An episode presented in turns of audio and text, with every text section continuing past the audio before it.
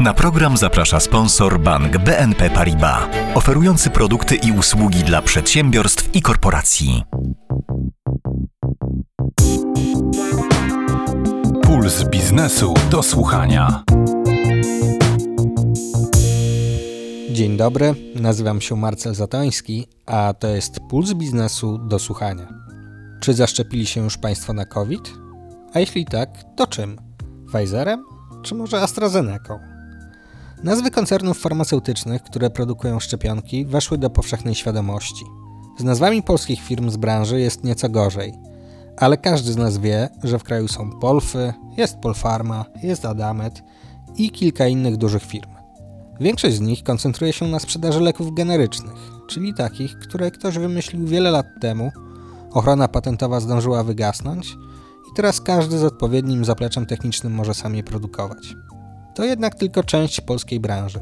Mamy bowiem spore i ciągle rosnące grono firm, które szukają nowych leków na przeróżne schorzenia, wliczając w to nowotwory i choroby cywilizacyjne.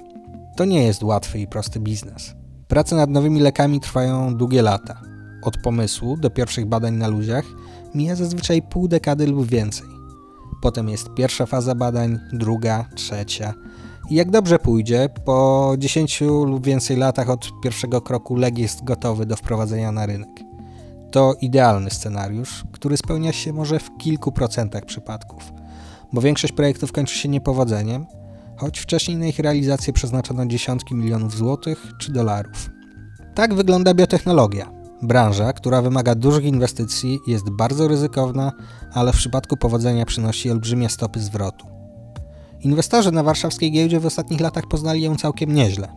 Mamy na GPW kilka spółek szukających nowych leków, które są wysoko cenione przez analityków i zarządzających funduszami inwestycyjnymi. Dość powiedzieć, że w ostatnim rankingu Giełdowa Spółka Roku, przygotowywanym przez PB, w pierwszej dwudziestce zestawienia były cztery spółki z branży. Czysto poszukiwawcze Raivu i Onco R&D, łączące szeroko zakrojone poszukiwania z produkcją leków generycznych Celon Pharma, a także zwycięzca rankingu Sylvita, która prowadzi prace badawczo-rozwojowe na zlecenie innych spółek biotechnologicznych. W kategorii innowacyjność produktów trzy biotechy zmieściły się w giełdowej pierwszej piątce. Wysoko oceniano również ich perspektywy rozwoju, kompetencje zarządów czy relacje z inwestorami. W tym odcinku postanowiłem więc przedstawić Państwu te spółki i ludzi, którzy za nimi stoją. Ich ścieżki kariery były przeróżne, ale w każdym przypadku bardzo interesujące, o czym mam nadzieję przekonają się Państwo dzięki tej audycji. Zapraszam więc do poznania polskiej biotechnologii.